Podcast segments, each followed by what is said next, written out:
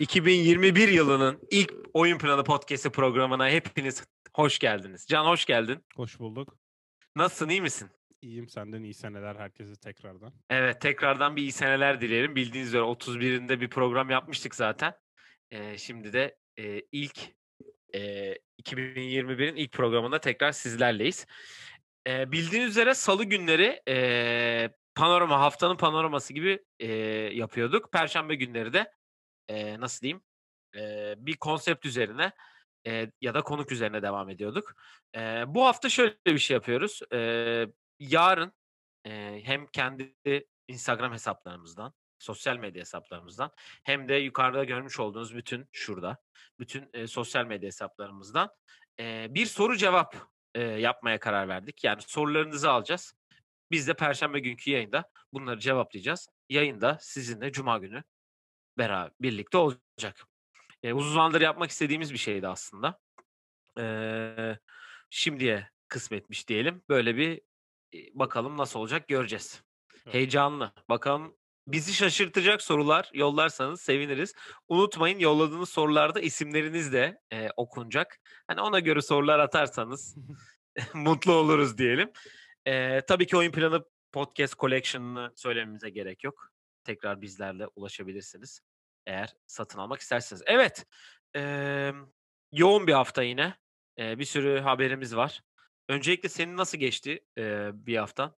O nasıldı Yani onu bir öğrenelim. Aynıydı yani NBA'de tempo arttı onları her maçı izleme çabası.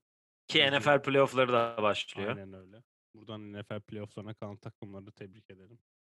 Kendi takımı kalmayınca ben. Las Vegas Raiders hariç. Onun dışında hani her maçı izleme çabası. Yani ben dün akşam ki maçların bazıları başlayınca yapmıştım listeye ama tabii bazı şey birkaç şey değiştiren performanslar oldu. Onları da konuşacağız. Evet. Onun dışında mutluyum yani şu anki panorama listemde. Evet, haberlerle başlayalım önce. Sonra direkt panoramaya geçelim çünkü konuşacak çok şeyimiz var bu hafta. Ee, öncelikle e, bir e, kayıp haberimiz var maalesef. Bunu bu haberleri vermekten pek e, mutlu değiliz ama siz basketbol severlerin bunu biliyor bilmeniz gerektiğini düşünüyoruz. Paul Westphal e, hayatını kaybetti. Hem koç olarak hem de e, oyuncu olarak NBA'de uzun süreler e, hizmet etmiş. Hem Hall of Fame olmuş, Şöhretler Müzesi'ne girmiş. 5 kere All-Star olmuş. E, 92-93 Phoenix'in e, head coach'luğunu yapmış finalde e, Chicago Bulls'a elenen. Aynı zamanda da 74 Boston Celtics'in e, kadrosunda varmış şampiyonluk kadrosunda. Oyuncu olarak da bir şampiyonluğu var. E, kendisine Allah ra- Allah rahmet eylesin dileyelim. E, Paul Westhead değil bu arada. İkisini ben çok karıştırırım. Hani Evet, ama evet. ikisi değilmiş. Farklı kişiler. Farklı kişiler öğrenmiş olduk. Eee, ceza dolu bir haftaydı. Öncelikle James Johnson ve e, Martin ikizleri yani hem Caleb hem de Cody Martin Dallas Memphis olması lazım değil mi? Dallas Memphis maçında bir kavga Evet, Dallas Charlotte. Dallas Charlotte özür dilerim. Dallas Charlotte maçında bir kavga ettiler. Bildiğiniz üzere James Johnson da bir e, aslında UFC e, şeyiymiş, dövüşçüsü. Tabii, yani tabii. iki kişi anca şey yapmışlar. James Johnson 40 bin dolar, Caleb 20 bin, Cody Martin de 25 bin dolarla ceza aldılar. NBA'in bu bu türlü şeylerde sıfır tolerans ilerliyor ki geçtiğimiz senelerde olan e, Indiana-Detroit kavgasından, New York-Denver kavgasından bunları da çok iyi biliyoruz zaten.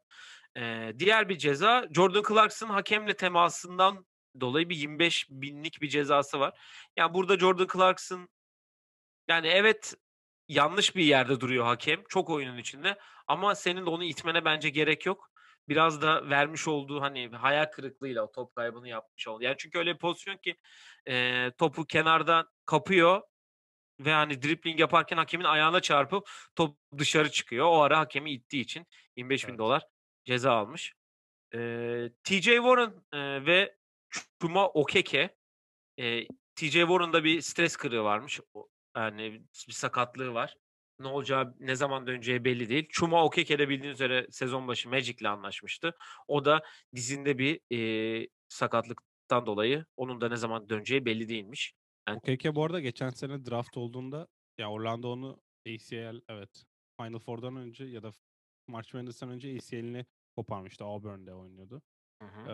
Ona rağmen 17'den mi 18'den mi ne seçti? Hani bu sene oynatalım ve hani geleceğe plan yapalım diye. Şimdi tekrardan sakatlandı ve bir süre yani tekrar faydalanamayacaklar.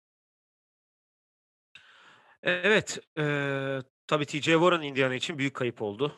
Eee, bazı rolleri biraz daha arttıracak onlar için zaten konuşmuştuk. Ve eee, iki tane Covid temaslı haberimiz var. Bir tanesi Michael Porter Jr. evladımız bir eee, temasıyla birlikte yani temaslıyla aynı ortamda bulunmuş. Ondan ne zaman geleceği belli değil. Bu NBA protokolünde belli bir seviyede karantinada kalacak. E, aynı zamanda dün akşam Los Angeles Clippers'la alakalı bir haber çıktı. O da eee, oyuncu hariç yani staff'ın yardımcıları bir eee, yeni yıl yemeğindelermiş sanırım. O tarz bir haber vardı. Orada da bir karantina varmış. Ve eee Coach K yani Duke Üniversitesi'nin koçu Mike Krzyzewski de eee, Covid temaslı olduğu için takımla beraber değilmiş ki orada da maçlar iptal olmaya başladı. Yani bir an önce March Madness'a geçebilirler, geçmeyi bekliyorlar diye düşünüyorum NCAA. Sen bu konuda ne söylemek Bu istiyorsun? arada dün de eee, Chicago Bulls'un yaptığı açıklamada Chandler Hutchinson ve eee Thomas, ay Thomas Satoranski, Satoranski'nin pozitif olduğu da açıklandı. Onu da söyleyelim çünkü Wow. bazı takımlar açıklamıyor ama eee, Chicago Bulls'ta bir destek grubu diyorlar ya bu Clippers'takiler gibi hani oyuncu değil, koç değil hani front office kişileri diye tahmin ediyorum. Oradan birinin pozitif çıkmasından sonra oyuncuların tamam zaten günlük testlerine oluyor.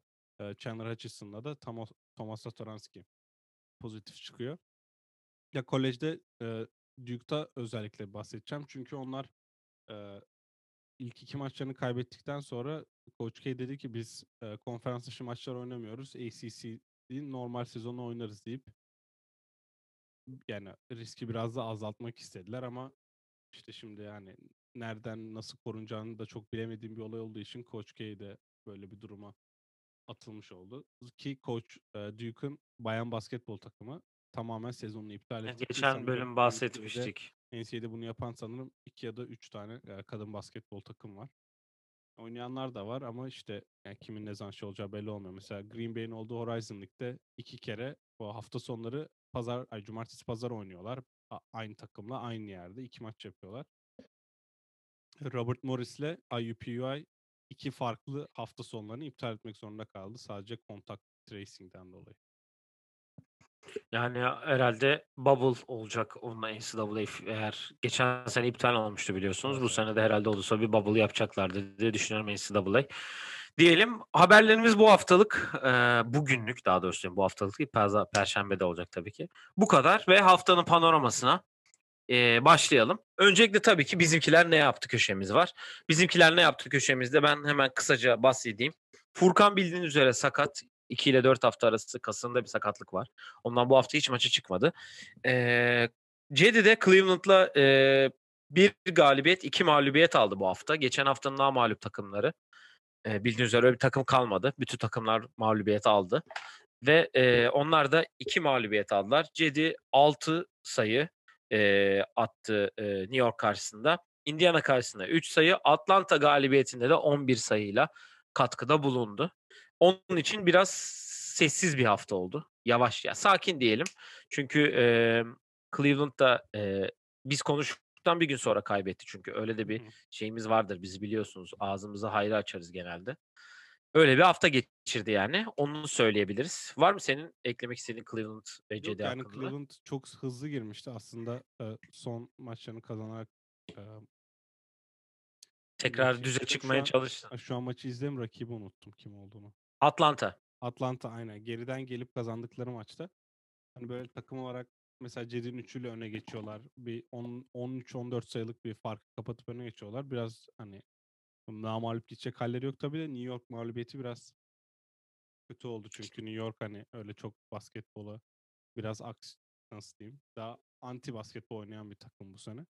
Ama yavaş yavaş bence o role hani bizim geçen hafta bahsettiğimiz role çok hızlı bir giriş yaptı. Şimdi biraz düştü. Hani onu biraz dengelemeye başladı ve istikrarı yakaladıkça bence o rolü tamamen benimseyecektir diye düşünüyorum. Yani şu an 4-2'ler tabii ligin hemen başındayız ama e, iyi bir yerdeler. İyi bir yolda ilerliyorlar. Diyelim ve e, haftanın takımına geçelim. E, benim iki tane takımım var. Eee, yine çünkü, emm, yani Philadelphia ve Phoenix'i seçtim ben. Çünkü Philadelphia bu hafta oynadığı bütün 3 maçı da kazandı. Toronto, Orlando ve Charlotte'ı yendi. Eee, Phoenix eee, ben yendiği rakiplerden dolayı aslında Phoenix'i aldım. Eğer dün gece Clippers'ı da yenseydi zaten 4'te 4'te muazzam bir hafta geçirecekti. Eee, Pelicans, Utah ve Denver'ı yendiler ve dediğim gibi dün akşam Clippers'a kaybettiler. Eee, Phoenix hakkında bol bol konuşacağım zaten ilerleyen bir, eee, kategorimizde ama, eee, Philadelphia o dediğimiz bir o 20 maç hep Doc Rivers'ın oturdu mu oturacak mı şeyine çok iyi tepki veriyorlar. Eee, aynı zamanda istediği oyunculardan istediği katkıyı da alabiliyor ki bu hafta, eee, Joel Embiid iyi bir hafta geçirdi. Eee, Tobias Harris çok iyi bir hafta geçirdi ve Seth Curry de, eee, Orlando maçında olması lazım. Hemen şuraya bir kontrol ediyorum. Evet, Orlando maçında 21 sayılık bir katkı yaptı. Yani iyi yolda ilerliyorlar. Şu an Doğu'nun kafası birincisi. 5 galibiyet, 1 mağlubiyetle. Phoenix de, eee, dediğim gibi güçlü rakipleri, yani kendi rakiplerini yendi. Bir işte dün, eee, bir ara 15-17'ye çıkan farkı 1'e kadar indirdiler Clippers karşısında ama, eee, mağlubiyete engel olamadılar Yani diyorum ve haftanın takımı Phoenix'te için hani Phoenix'e ben, hani, bir şey ekleyeyim. Yani Chris Paul ve Devin Booker'ın kötü oynadığı maçları kazanabilme reaksiyonu veren bir takım. Yani o ikisi basket bulamasa bile, hani, isabetli oynayamasa bile takım olarak çok, nasıl diyeyim, birlikte oynayıp İyiler. Ya, iyiler. Hakikaten iyi takım olmuşlar ki biz, hani, biz onların biraz Chris Paul ve Devin Booker'ın sırtlayacağını düşünüyorduk. Hani, nasıl Ki geçen sene 8'e 8 yaptı bu takım Bubble'da. Hani, bu sene için çok büyük, eee, emekler de verdiler ki Kelly Oubre'yi yolladılar. Öyle bir, eee, şey de yaptılar. Geçen sene bu kadroda Kelly Oubre olsun, Ricky Rubio olsun kilit oyuncuları yolladılar. Ya, Oubre aslında Bubble'da yoktu. Belki onsuz oynamaya biraz alıştılar ama yani Oubre'nin de çok bir eksik olmadığını şu an görüyoruz canlı olarak. Çok iyi bir şekilde. Ben takım olarak, eee, Philadelphia'yı seçtim. Sen zaten bütün, hani, noktalara değindin. Hani, namarifler ve oynadıkları basketbola artık yavaş yavaş alışıyorlar. Ben istatistiklere baktım biraz. O da, hani, acaba daha mı fazla üçlük atıyorlar yoksa daha yüzdeli mi oynuyorlar diye. Yani tek farklı mesela üçlük sayıları aynı denenen üçlük sayısı. Joel Embiid ile Tobias Harris aynı rakamda üçlük deniyor. Evet. Danny Green çok kötü başlamasına rağmen geçen maç ilk çeyrekte 3 tane üçlük soktu mesela. Seth Curry zaten, hani, en iyi şutörlerden bir tanesi ligde. Yani en büyük artıları defensive rating'te 1. olmaları ki zaten bu Philadelphia'nın öyle bir yani o kadrosundan beklenen bir olayken, hani, beklentiyi de karşılamak onlara yetiyor ve şu an kendilerini Doğu'nun tepesine atmış durumdalar. Ki, eee, hep de bahsediyoruz. Harden takasındaki en önemli takımlardan biri olarak gözüküyor ki o da gün geçtikçe bence biraz ihtimal uzaklaşıyor gibi görüyorum. Hani, hem Philadelphia adına tabii ne olacağı belli olmaz. Bir anda bir mart'a kadar bakmışız. ha yani vakit var. Aynen öyle. Eee, yani o Doc Rivers'ın o 20 maç görelim şeyi biraz olsun, hani, 10 maç görelime kadar geldi biraz sanki gibi gözüküyor yani. başarılı olunca evet biraz azalıyor skala. Ya, şimdi bir de rakipleri de iyi gitmiyor. Hani, Milwaukee olsun. Milwaukee bu hafta, eee, 1 maç kaybetti. Eee, o da Miami'ye kaybettiler ki Miami de diğer rakipleri ise onlar da 2 maç kaybettiler yani. Eee, onun için iyi gidiyorlar Doğu'da diyebiliriz. Eee, haftanın oyuncusunu alayım. Önce sen söyle istersen. Bende değişik bir seçim var çünkü. Ya, ben Sen de haftanın haftanın oyun oyuncusunu aslında, dünkü performansına tekrardan bakıyorum şu an ama ya, dünkü performansı mağlubiyete gelmesine rağmen bende çok bir şey değiştirmiyor. Ben haftanın oyuncusunu CJ McCollum seçmiştim. Güzel.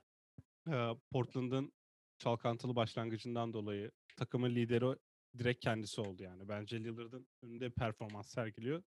Yani dün Lillard 32 sayı attı. Lillard eee, McCollum 28 sayı attı ve 9 rebound ve 5 asisti de yanında geliyor onun aynı Zaten zamanda. benim liderlik olarak koymamın nedenlerinden bir tanesi de 5.8 asist ortalamayla oynaması. Dün de 5 asist yaptı ve kariyerin en yüksek, asist yaptığı da 4.4 yani. En iyi senesinden 1.5 asist daha fazla yapıyor ki burada, hani, biz backup point guard olacağından zaten bahsetmiştik ve Geçen o hafta rolü da en iyi 5'e almıştık hatırlıyorsan. o rolü de tamamen yük yani, üstüne alması ve üstlenmesi, hani, Lillard'ın arkasında böyle bir şey yapmak bence, eee, çok özel performans ki böyle devam ederse bence belki nasıl diyeyim, hani, Bradley Beal'ın John Wall'u geçtiği bir dönem vardı ya, hani, ikisi birlikte oynarken. Belki öyle bir şey de izleyebiliriz. Ya dün akşam ya şimdi ben de katılıyorum aslında. Bu hafta iyi performanslar var senin dediğin gibi. CJ'de hep ya istikrarlı bir şekilde geçen hafta da en iyi 5'te zaten e, onu yazmıştık ki geçen haftaki e, Lakers performansı da iyi iyi olduğu için ben eklemiştim zaten buraya. Sen de zaten başlardan bahsettin. Ben Paul George'u yazdım. E, neden diye sor. E, Hmm. çünkü e, Paul George bu hafta Clippers'ın e, oynadığı 4 maçı 3'ünü kazandı ve e, iyi de oynadı. Ki bunlar bunların başında e, Portland'ı yendikleri bir maçta 23 sayı 10 rebound 7 asistlik bir performans gösterdi. Dün de e, Phoenix galibiyetinin 39 sayıyla takımı e, sırtladı ki Utah'da 25 sayısı var. Yani eleştirilebilir e, yönleri var. Biz zaten çok eleştiriyoruz kendisi bütün NBA'de ama e, benim de sevdiğim bir atasözü olan Sezar'ın hakkı Sezar'a e, söyleminden dolayı ben Paul George'u bu hafta haftanın beşin haftanın oyuncusu seçtim. Eğer ki hani e, Philadelphia'dan Embiid böyle çok e, üst düzey bir yere çıksaydı bu hafta orada onu seçebilirdim ya da niye Phoenix'ten değil. Phoenix'ten niye olmadığını zaten birazdan bahsedeceğim kendi şeyimde. E, demişken istersen ben haftanın beşinden e, kendim e, söyleyeyim. E, dediğim gibi Paul George var zaten. E, Joel Embiid'i yazdım. E, takım 2'de yani 4 4 maçın ikisini kazanmasına rağmen bu hafta e, Nikola Jokic'i yazdım. Çünkü neredeyse değil hatta triple double ortalamayla bitirdi bu haftayı. E, çok acayip bir hafta geçirdi gerçekten. E, Jalen Brown'u yazdım. Boston'da resmen el, bütün ipleri eline almış durumda. Ki bu hafta oynadığı e, Memphis maçında da attığı bir 42 sayı var. E, dün de iyi bir e, 31 sayısı var. Bu hafta iyi bir hafta geçirdi o da. Yani guard pozisyonu için e, Colin Sexton mı yoksa LeBron mu karar veremedim açıkçası. Çünkü Lakers da bu hafta sadece pazartesi günkü Portland maçını kaybetti. Sonraki 3 maçı San Antonio'yu 2 kere ve Memphis'i yendiler. Ve LeBron e, bu maçların birinde triple double yaptı. Öbüründe de triple double ortalama yapma e, ya yakın bir performans sergiledi açıkçası. Ya ben de aslında bizim beşlerimiz aynı. Ben Paul George'u hiç düşünmedim ama dün maçları izlerken tekrar yani Paul George'un Phoenix'e karşı soktuğu şutlar ve yani çok güzel yani nasıl diyeyim bu orta mesafe hani artık çok kullanılmıyor ama bazı oyuncuların o kadar yüzdeli atıyor ki yani atmasına okeysiniz. Paul George da öyle bir kıvama geldi bence. Ve yani zaten NBA'de ya nasıl diyeyim şut anlamında o stil, o rahatlık ve o akış anlamında yani en herhalde topuç oyuncudan bir tanesidir diye düşünüyorum. Hani Çok Paul rahat bir böyle bir stili var. Yani böyle şutu atarken böyle öyle bir kalkıyor ki hani böyle dersin efor ki vay nasıl bir rahat. O yüzden ben de hani Paul George'u ekleyeyim beşime çünkü hani o gözle bakmamıştım cidden Paul George'a. Bizim ortak oyuncumuz Jalen Brown var. Hani 20 sayı, 20 42 25 sayı, dün de 31 sayısı var ki ben Jason Tatum'a da bir, birazdan değineceğim. CJ McCollum var tabii ki. Ben hı. Nikola Vucevic'i yazdım. Ee, 30 sayı 13 rebound, 19 sayı 10 rebound, 28 sayı 10 rebound ve bu takımın hani 30 olmuş. Bu bu istikrarlı gitmesinin en büyük nedenlerinden bir tanesi olduğunu zaten Ki onlar da bu hafta iki mağlubiyet aldılar yani. Ben Christian Wood'u yazdım. O da Harden olmadığı bir maçta yine çok iyi performans sergiledi ve ben biraz e, ön yargıyla da bakmıştım Christian Wood'un işte 12 sayı 8 rebound yapmış adamı 37 dakika oynatınca 30-13 mü yapacak diye bir yorum yapmıştım ama nasıl diyeyim onu yapabileceğini gösterdi ki burada da bunu göremeyen Philadelphia camiası, Milwaukee camiası, Detroit camiası da ne kaçırdığını farkındadır diye düşünüyorum. Son olarak da ben Colin Sexton yazdım ama onu Paul George'la da değiştirebilirim. Sexton da özellikle o kazanılan Atlanta maçında sonlarda çok iyi performans gösterdi ve o takıma 27 bir hani galibiyet yani işte kazanma anlamında yapılan oynanan dakikaları Cleveland iyi oynuyorsa bunun en büyük nedeni bence Colin Sexton.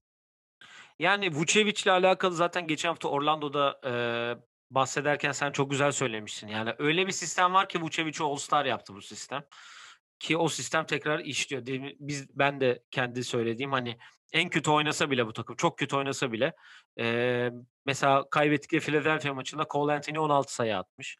Hani kaybet yine kaybettikleri bir Oklahoma City maçı var ki Vucevic 30-13 yapmış. Terence Ross 26 sayı atmış. Full bir sezon geçiriyor. Onun için Vucevic e, olabilir. E, Christian Wood'la alakalı yani ilk başta e, ilk alındığı zaman çok büyük bir hype'la geldi. Çünkü tam böyle James Harden takası e, dedikoduları Russell Westbrook daha ayrılmamıştı ve onunla alakalı işte bu adam çok iyi olacak diye ben bütün Rockets e, nasıl diyeyim reporterlarını takip ettiğim için yani bu bu Locked On Rockets diye bir de bir podcast var. Onu da dinliyorum. Oradaki e, ler de söyledi. Hani Christian Wood çok büyük etki yaratacak göreceksiniz göreceksiniz hep diye. Ve hatta bütün bu Rockets Twitter camiası da Christian Wood'u Christian Wood için bir e, en çok geliştirme gösteren oyuncu kampanyası başlattı. Ki zaten şu Hani- an açık ara favori diye düşünüyorum. Yani aynen. Yani Clarkson da evet hani benim favorim Clarkson'dı ki 6. adam için yazmışım onu. Özür dilerim ben.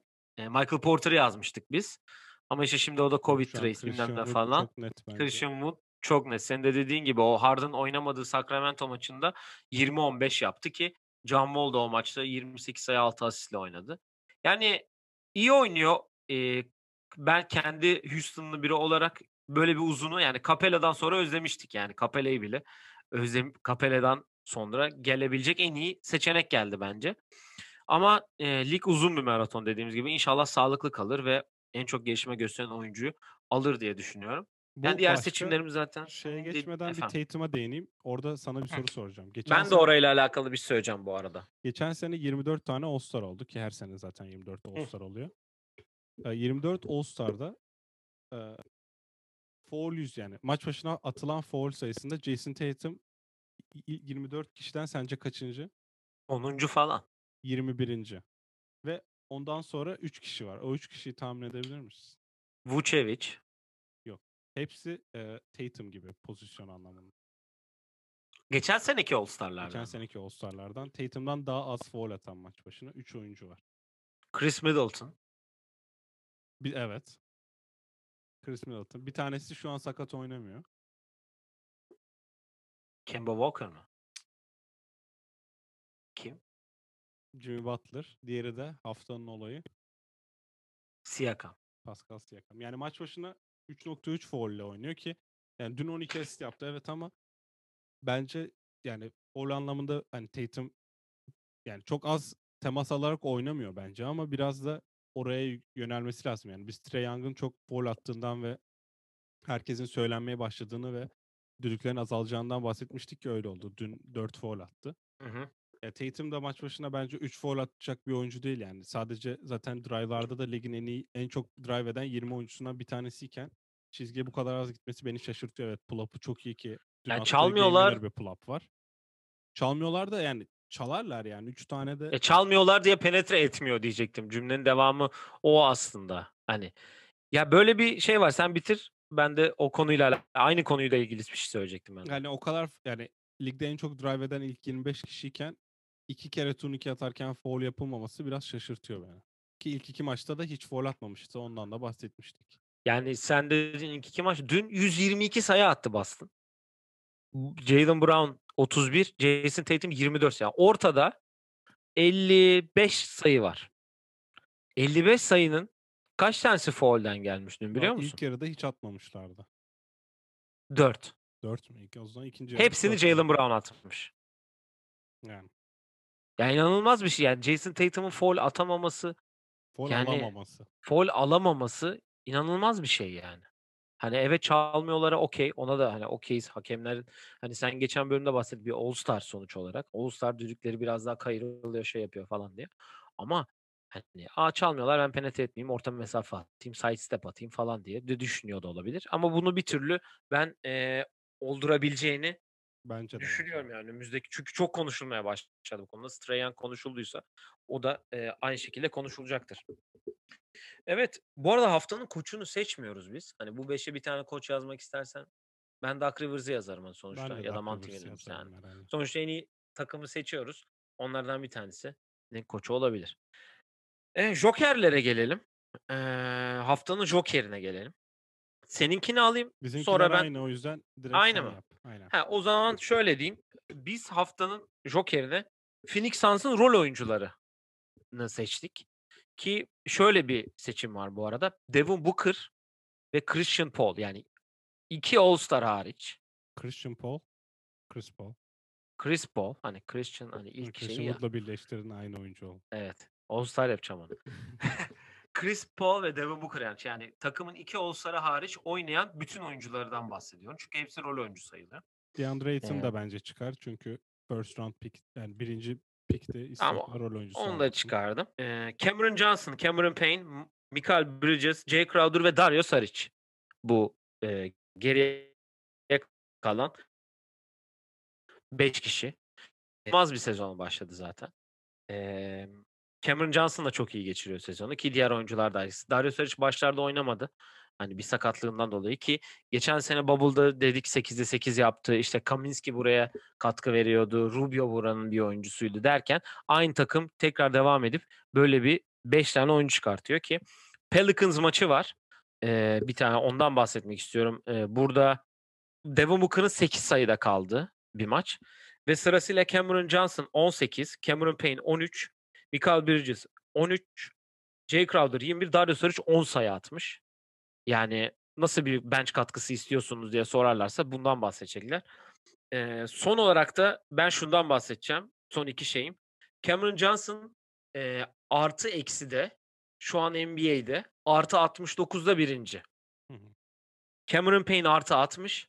Michael Bridges de artı 54'te şu anda. Yani öyle bir şey var ki bu arada Michael Bridges de takımın Devin Booker'dan sonra en fazla sayı atan ikinci oyuncusu. Ee, yani çok iyiler. Gerçekten nazar değmesi çok iyi bir e, rol oyuncusu tayfası var. Ve her maç belli bir şeyde yapıyorlar. Katkıyı veriyorlar. Ee, ben burada Chris Paul'a biraz daha e, kredi vermek istiyorum. Çünkü çehresini değiştiriyor dediğimiz oyunculardan en başında geliyor bence. En başına gelenlerden biri. Çünkü bir e, çalışma etiği olan bir oyuncu. Onu zaten yıllardır görüyoruz zaten.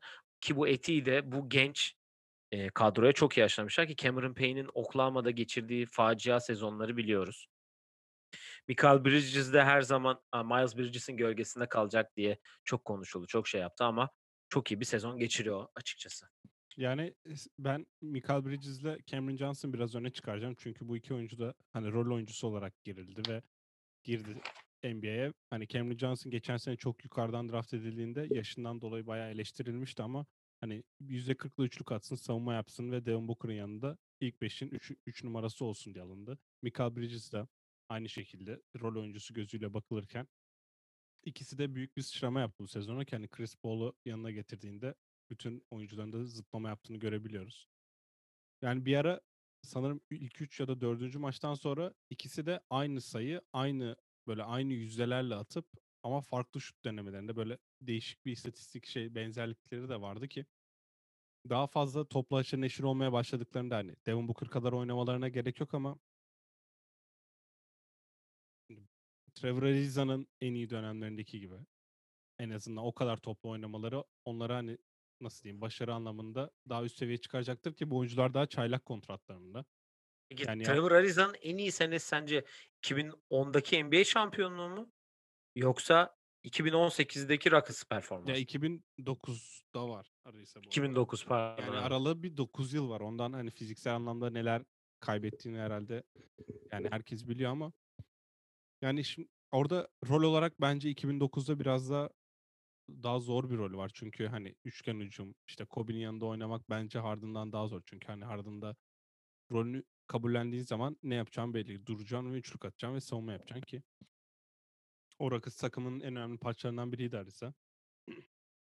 ve hani 2009'da bence daha zor bir rolü vardı ama ben 18'i sanırım tercih ederim. Çünkü daha hani bence daha efektif ve daha rolü daha fazlaydı gibi geliyor bana. Ya o kadar olmalarına da gerek yok. Sonuçta bu takımın bir o türde bir süper yıldız var ve bu oyuncudan iki tane var. Yani Cameron Johnson iyi oynasa Miles Bridges'in kötü oynama şansı var ki Miles Bridges Michael Bridges pardon. Michael. Bridges savunmada öyle aksayan bir oyuncu da değil ve NBA'nin en iyi savunmacıların arasına girme potansiyeli olan bir oyuncu. Evet yani Phoenix'in bu başarısında açıkçası e, çok büyük rolü var bu rol oyuncuların diye düşünüyorum ki hani Devin Booker da belli bir düzende oynamaya başladı artık Chris Paul'un yanında öyle her topu maç başına bilmem kaç top sıkayım yok. Ki onunla ilgili de geçen gün bir video gördüm. Savunma yapmaya başladığı yönünde birkaç şeyi var ki o da büyük ihtimal e, Chris Paul'dan aldığı şeyde ki sen DeAndre Ayton çıkardın ama o da e, maşallah iyi bir sezon geçiriyor.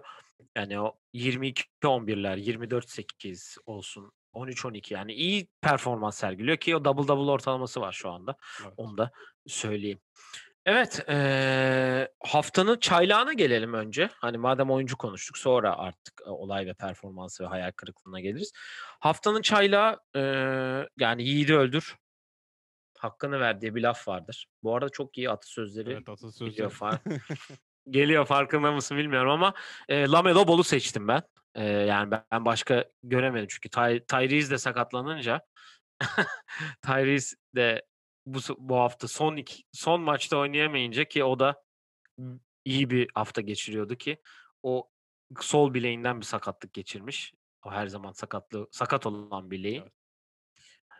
E, Lamelo da e, Dallas'a karşı 22-8-5'i var. E, Memphis 15-6 ve Hmm, Boston Boston'a karşı da 13 sayı, 4 rebound, 5 asist, 4 top çalması var. Yani iyi bir hafta geçirdi. Ne yalan söyleyeyim. Hani galibiyet alamadılar evet.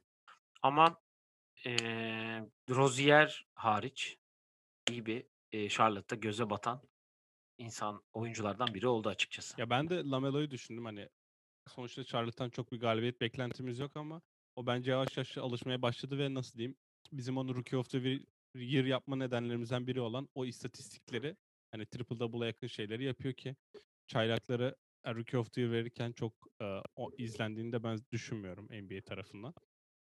Ben bir de Peyton Pritchard'a özel bir parantez açacağım. O da hani Boston'ın şu an e, dar rotasyonundan yararlanan bir numaralı oyuncu bence. Jeff Teague de bir sakatlık geçirdi dün. E, maçı yarıda bırakmak zorunda kaldı ve Pritchard maçı kapatma beşinde sahada yoktu ama ondan öncesinde yani dördüncü periyotun önemli dakikalarında sahada kaldı ve ben zaten draft yayında da bahsettiğim gibi belirli bir seviyede üçlük atınca backup rolünü de benimseyince ki bu NCAA'de e, 4 yıl ilk 5 oynamış ya da 4 yıl bir, iyi bir takımda oynamış guardların bildiği bir iş ki bu Jalen Brunson da dün gördü herkes diye düşünüyorum. 31 sayı attı Luka'nın oynamadığı bir maçta. O rolü benimsedikten sonra yani işleri çok daha rahat oluyor bu oyuncuların ki Pritchard kazanan takımın gardı olmayı çok iyi bilen bir oyuncu ve dün dün itibariyle bence Boston'da bu rolü tamamen üstlendi ve rolünde çok iyi bileceğini düşündüğüm için dakikası artmaya devam edecektir ve belki Kemba Walker ne zaman dönüyor çok emin değilim ama Marcus Smart'ta da bir sıkıntı olursa belki bir ara ilk beşe bile hani deneyelim bakalım. Pritchard, Smart, Jalen, Jason ve Tice'la başlayalım diye bir deneme de yapılabilir diye düşünüyorum. Ayısı ne zaman ben atacak bu hoca? Ben onu merak Ya ediyorum. Tice'ı attı sonra Tristan, Tristan Thompson bir sakatlandı sanırım. O yüzden orada bir değişiklik yaptı. Yoksa bazen de çift uzun başlıyor. Değişik işler deniyor orada. Evet, hoca iyi gitmiyor bu sene. Brett hocam. Biraz takım iyi ya. Bence şu an rotasyondan biraz sıkıntı yaşıyor. ya yok Kem- Kemba geldikten sonra biraz daha taşlar yerine oturur yani diye İşte düşünüyorum ben. oturacak mı ben onu merak ediyorum. Çünkü hani Kemba da maç başına 15 top atmak isteyen biri.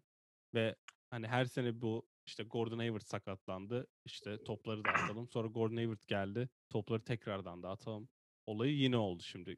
Jalen Brown'la Jason Tatum 25'er top atıyor maç başına. Şimdi Kemba gelecek. Birinin topu mu azalacak? Yani ne olacak onu çok iyi ayarlamak gerekiyor. En azından sezonun başında oluyor da onun için daha vakitleri var am- ayarlamak için ama artık yani Brown'la Tatum'un önünde gözükür mü Kemba Walker? Ben çok emin değilim. Evet, eee, haftanın performansında zaten herhalde hemfikiriz diye düşünüyorum. Dün akşamki eee Steph'in Portland'da attığı 62 Onu sayısı var. olmasaydı neyi seçmiştin? Çok zor ya. Ben de Yani aynen öyle baktım bakmıştım. yani neler var hani ne seçebiliriz hani aklım akılda kalan e, ne olabilir diye hani bakıyorum pazartesi günü yok için Houston'a yaptığı bir triple double var 18 asistlik onu söyleyebilirim.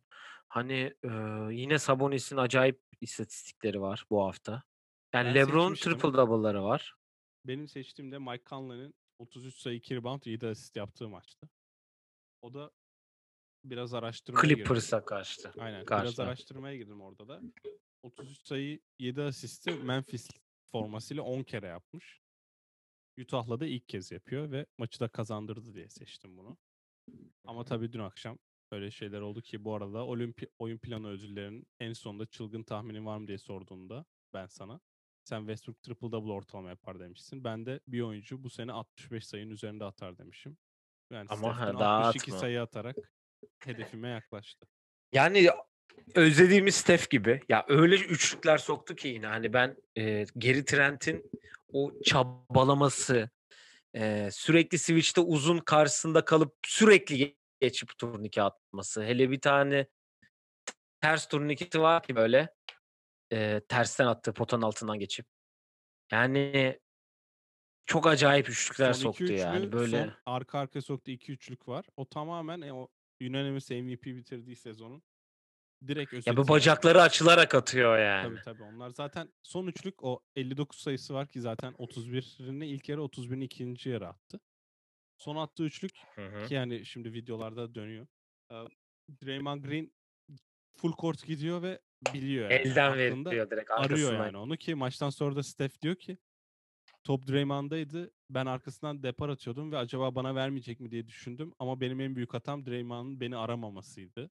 Aramamasını düşünmemdi diyor. Ki Draymond dönüyor hemen buluyor onu ve burada bence en sinir eden olay bilmiyorum beni izlerken yani Steph Curry gibi şut atamadığı için herhalde dünyadaki herkesi en çok sinir eden olay budur diye düşünüyorum. Ya öyle mesela çok saçma atıyor topu ve çuf girmesi beni cidden sinir ediyor. Yani, yani Potalı da değil, çuf giriyor yani. Potalıyı de. geçtim böyle potada böyle hani dönüp girmiyor. Böyle üç yerine çarpıp girmiyor ve çuf giriyor yani. O biraz beni sinir ediyor. Bu arada Geri Trent'te rakip Lakers olmayınca basketbolu unutuyor galiba diye de bir dipnot geçeyim.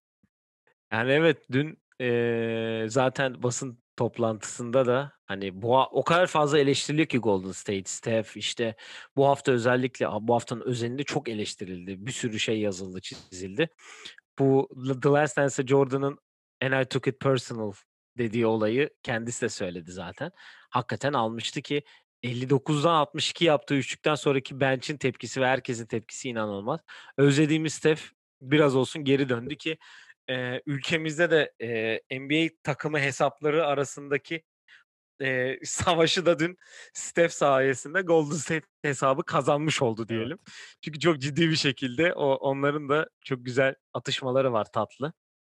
E, tatlı atışmalar diyelim. E, haftanın performansını da ona verdik. Mike Conley için de şunu diyeyim. e, zaten hep bu rolde oynaması için aslında e, Utah'a geldi. Biz o buraya ilk geldiğinde Rubio'yu biraz daha upgrade edip hani oynatalım. Bir All-Star getirelim diye düşündü Utah. Quinn Snyder de en başından beri sakatlıklar ve bazı sistem uyum, uyumazlıkları olmayınca ki Donovan Mitchell da çok kötü bir sezonla başladı. Ondan hani hiç bahsetmedik ama hani ilerleyen zamanlarda yani iyi olmasından bahsedebiliriz inşallah diye düşünüyorum ki onunla ilgili de değişik bir istatistik var. 80 en son dünkü maçta önce 84 sayını 85 şutta 84 sayı mı ne atmış ya da tam tersi ama rakamlar öyle yani. Bakalım hani Mike Conley'i özledik Memphis günlerinden diyelim. Evet e, haftanın olayına gelelim. E, haftanın olayı e, şöyle oldu. E, Toronto'nun e, salı günü Philadelphia ile oynadığı maçta Pascal Siakam e, maçın bitmesine 20 saniye kala e, 6 foul alarak oyundan çıkıyor ve e, soyunma odasına gidiyor direkt. Ve bunu e, e, Toronto e, camiası diyelim, Toronto staffı ve bütün ofis e, iyi al, iyi karşılamıyor ve sonraki maç oynatmıyorlar. Ve Toronto New York'la oynadıkları maçta oynatmıyorlar ve Toronto kazanıyor neyse. Ama e, Siakam'la Toronto arasındaki ipler biraz olsun sanki geriliyor gibi. Gördüm ki benim bu seneki hayal yani biraz bir sonraki e, kategorimizde de son kategorimizde hayal kırıklığı bölümüne de Toronto'yu yazacağım. Çünkü 1-4'ler hani tek galibiyetlerini yok. Bütün rakiplerine yeniliyorlar. Yani sen bu konu hakkında ne söylemek istersin? Nick Nurse'ün kendi kararı mı? Mecri'nin kendi Mecri değil mi? Masai Ujiri. Masai Ujiri. Mecri karıştırdım. Yani birlikte. Masai Ujiri'nin e, kendi kararı mı? Nasıl bir şey var? Çünkü hani fold out olmuş biri soyunma odasına gidebilir yani. Hani bunda bir yani Yani bir yanlış bir şey olduğunu düşünmüyorum açıkçası. Toronto öyle daha bireysellerin çok tepki göstermedi. Starların öne çıkmadığı bir kadro. Ve yani Şişli'nin hayal kırıklığına da birleştirelim burayı. Ya, Toronto evet kötü başladı. Bence, eee, Brandon Ingram geçen, hani, benim bahs o bahsettiğim bölümde yine o sene he hepimizin takas olacağı konuşuluyordu ve bu insanların, eee, düşünceleriyle ve aklıyla oynamaya başladı diye bir bölüm vardı. Acaba Toronto'da bazı oyuncular bu James Harden olayların yükseldikçe, onlar da dâhil oldukça böyle bir düşünceye mi kapıldılar? Ben onu merak ediyorum sonuçta. Yani, onların o taraftan bir psikoloji kaybı, yani, psikolojik olarak bir, eee, kötü durumda olabilirler. Bir de, yani, sonuçta orada şimdi Toronto'da yeni oyuncu Alex Len var, Aron Baynes var ve başkası yok, değil mi? Bir de guard'lar var. Ha, bir de, hani, Malachi Flynn var. Yani, diğer oyuncuların tamamı hayatını Toronto'da yaşamaya endekslemiş. Çocukların hepsini Toronto'daki okullara vermiş. Toronto'da ev satın almış ya da aynı evde 3 yıldır, 2 yıldır oturan insanlar bir anda Tampa'ya taşındı. Çocukları okula nerede gidiyor? Nerede ailesi nerede yaşıyor? Belki bazıları tek yaşıyor, otelde kalıyorlar, işte. Böyle şeylerle de sağ dışında olaylarla belki çok sıkıntı yaşıyor olabilirler. O yüzden bizim bilmediğimiz olayların ben cidden olduğunu düşünüyorum ki bu sıkıntılardan bahseden bayağı Toronto, eee, yazarları var. O yüzden Toronto'ya biraz ben eee, vakit vereceğim ama şu anki gidiş çok iyi gözükmüyor ki bu Doğu'da 2-7 bandında ne kadar aşağıda kalırsanız o kadar zor bir yolunuz olacak. Bundan da hep bahsediyoruz ve Philadelphia'nın da çok iyi, yani, şu an, eee, haftanın takımı olmasının nedeni 1. sırada kendilerine yer açmaları. Ki Toronto Miami de şu an bence kötü Toronto'da gidiyor. şu an kötü gidiyor deyip ben kendi hayal kırıklığıma geçeyim. Benimki de Zion Williamson'ın savunmadaki eforu.